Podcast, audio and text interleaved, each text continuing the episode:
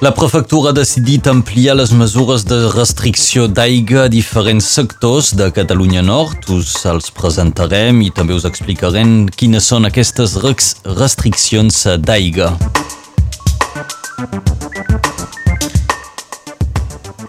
Una cita avui al Conflent, al Festival Pau Casals, us presenta un, uh, un concert del Quartet Casals a Sant Miquel de Cuixà. Sentirem un dels músics en aquest informatiu.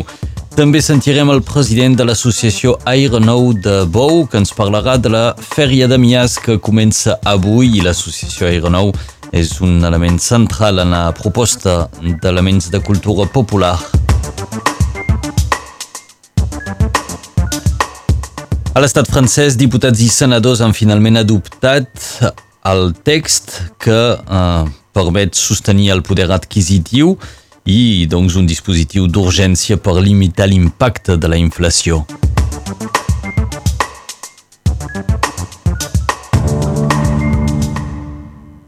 La prefectura dels Pirineus Orientals ha decidit ampliar les mesures de restricció d'aigua. La sequera s'agreuja i des d'ahir l'estat d'alerta reforçada s'aplica a la plana del Rosselló, a la Marenda, al Vallespí, al Fenolladès, també al nord del Conflent i a les Corberes. És el primer cop que tants sectors són concernits al mateix moment i tan aviat durant l'estiu. Les restriccions són diverses, es prohibeix, per exemple, omplir piscines privades, rentar botures o vaixells a fora de les estacions especialitzades, als municipis concernits ja no es permet regar les gespes privades o els espais verds públics, només es permet regar els horts entre les 8 del vespre i les 12 de la nit i se limita al 50% la irrigació dels conreus agrícoles. La prefectura alerta que es faran controls cada dia tant pels particulars com pels professionals. Aquestes mesures seran vigents fins al 30 de setembre. Els bombers van haver de lluitar contra una sèrie d'incendis sospitosos ahir a la vora de la departamental 117 entre Espira de la Gli i Cases de Pena. Fins a set focs van cremar en aquest mateix sector a poca distància els uns dels altres, uns fets que deixen pensar que es tracta d'incendis voluntaris. Una quarantena de bombers van ser mobilitzats, els focs van destruir uns 500 metres quadrats de vegetació. Els temporals a la Cerdanya van provocar una esllavissada de fang ahir a la nit al terme municipal d'Enveig. La Nacional 20 va haver de ser tallada la circulació en els dos sentits, circulació que finalment va ser alternada durant unes hores al temps que els serveis de les carreteres de neteja doncs, puguin intervenir. El Festival Pau Casals de Prada continua avui amb una cita a Sant Miquel de Cuixà. A l'abadia hi actuarà aquesta tarda el Quartet Casals, un conjunt català que és la punta de llança de la música de cambra catalana. El quartet interpretarà Haydn, el pare del gènere, però també Mendelssohn i Shostakovich. Escoltem en Jonathan Brown, violinista al Quartet Casals. Serà un, sí, sí, serà un gran plaer tornar aquí a, a, a Prat per tocar a aquesta església que té tanta fama i tanta història amb, amb el Pau Casals. Per tant, tocarem un quartet de Haydn, altre de Shostakovich i altre de Mendelssohn, i volem fer honor al, al nostre nom i al, al mestre Pau Casals, que, que ens han donat eh, tanta inspiració durant tants anys. Ens ho deien Jonathan Brown del Quartet Casals, actuaran avui a les set i mitja de la tarda a Sant Miquel de Cuixà. I avui comença a Perpinyà la gran braderia d'estiu. Durant tres dies els comerciants sortiran les parades al carrer i proposaran preus atractius coincidint amb la fi de les rebaixes. Comença la Fèria de Mias, una festa taurina que amb el temps ha anat incorporant cada cop més esdeveniments de cultura popular. Sardanes, gegants, però també castells i correfocs completen el programa d'aquesta cita festiva al Riberal. Bona part d'aquests esdeveniments de cultura popular els porta l'associació Aeronou de Bou. El seu president, en Bernat Casals, nos explica la implicació d'Aeronou a la Fira de Mias. Fa 23 anys que hi anem i Mias és el lloc on gairebé totes les activitats eh, d'Aeronou surten. Començar pel dijous a la nit amb el bestiari, Aeronou, amb la cultura catalana, obre la festa, la Fira de Mias. El divendres preparem el dissabte els castells de l'endemà. Normalment la, la Cap de Coll ha previst un programa ben collonut. A Mias és sempre el lloc on els castells del Riberal fan la, la millor actuació de, dels anys. Eh? seria a 17 hores, a 17 hores al costat del Firal, aquí a On hi ha la font, i anem acompanyats dels Crayongues de Manresa i també enguany hi haurà els castellers de Figueres.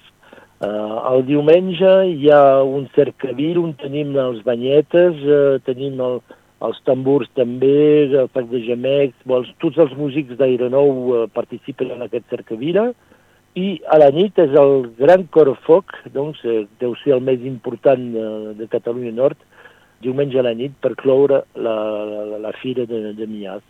Ens ho deia en Bernat Casals, president de l'associació Aeronou. Trobareu el programa complet de la fèria de Mias a la pàgina Facebook oficial de la fèria. Un accident va fer un mort durant la nit de dimarts a dimecres, accident que es va produir a la departamental 83 al nivell del Barcarès. La víctima és un bomber voluntari de 31 anys de Pia. L'altre automobilista, una dona d'uns 50 anys, només va patir ferides lleus. I ahir al matí un cadàver va ser descobert a Torrelles al camí del Mas Riu. Els primers elements de la investigació deixen pensar que la víctima, un home d'uns 60 anys, hauria estat embestit per un vehicle mentre caminava per la vora de la carretera. Una autòpsia serà realitzada per aclarir les causes de la mort. A la capelleta de Serret es pot veure una exposició ben curiosa. Es diu Olisbos i presenta una trentena de falus de fusta realitzats per en Roger Costa. L'exhibreter fa dos anys que es dedica a treballar la fusta, ha fabricat diverses mans de morter que ràpidament han agafat un toc força més eròtic. Escoltem en Roger Costa. Si o l'esbós és una mica és un falus, és un falus. És veritat que les mans de morter que trobem en totes les cases dels nostres pobles hi ha tot un costat una mica itifàlica.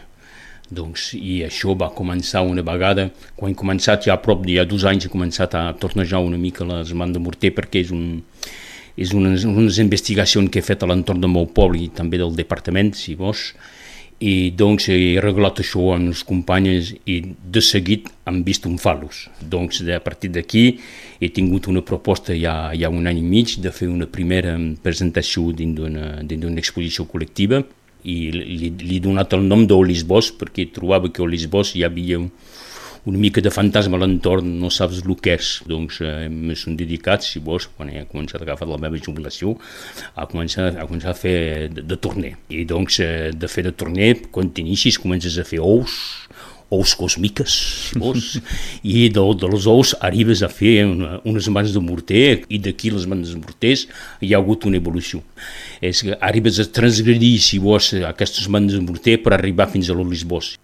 Era en Roger Costa que ens presentava la seva col·lecció de Lisbos. Aquestes mans de morter en forma de falus es poden veure a la capelleta de Serret. L'exposició coincideix amb una altra exposició, Fruit défendu de l'artista Helena Peitavi, és, és oberta cada dia entre les 3 de la tarda i les 7 de la tarda i això fins dissabte.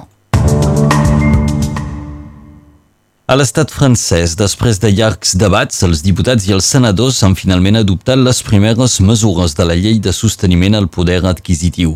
Són uns dispositius d'urgència que pretenen limitar l'impacte de la inflació. El text preveu la revalorització d'alguns mínims socials, també permet comprar tota mena d'aliments amb els tiquets restaurant. El Parlament haurà ara d'aprovar el projecte de llei del pressupost rectificat que permetrà finançar aquestes mesures. L'ONU anuncia que investigarà l'atac perpetrat la setmana passada contra una presó en l'autoproclamada República Popular de Donetsk. En aquest atac van morir una cinquantena de persones, uns presoners ucraïnesos. Moscou i Kiev s'acusen mútuament de l'autoria d'aquest atac. El secretari general de l'ONU, Antonio Guterres, va confirmar que tant Rússia com Ucraïna han demanat l'organització d'aquesta investigació. Als Estats Units, l'estat de Kansas ha votat en contra d'eliminar el dret a l'avortament de la seva Constitució. És el primer estat que fa un referèndum sobre aquesta qüestió després de la sentència del Tribunal Suprem del país que va tombar el dret a l'avortament al nivell federal. Es tracta d'un referèndum rellevant perquè, en ser el primer, pot marcar tendència pels pròxims que es tenen previst de celebrar a la tardor als estats de Kentucky, de Califòrnia, del Vermont i Michigan.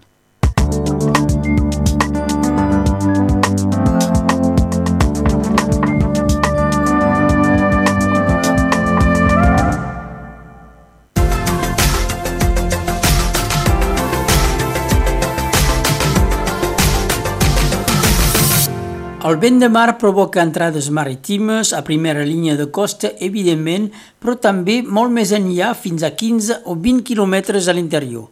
Però es manté una alta temperatura i l'humitat que fa que tenim una sensació de xafogó. A la tarda s'acosten nuvolades a cotes mitjanes i altes i per fi hauríem de veure caure algunes gotes de puja. Potser alguns de vosaltres no es recorden el que és la puja.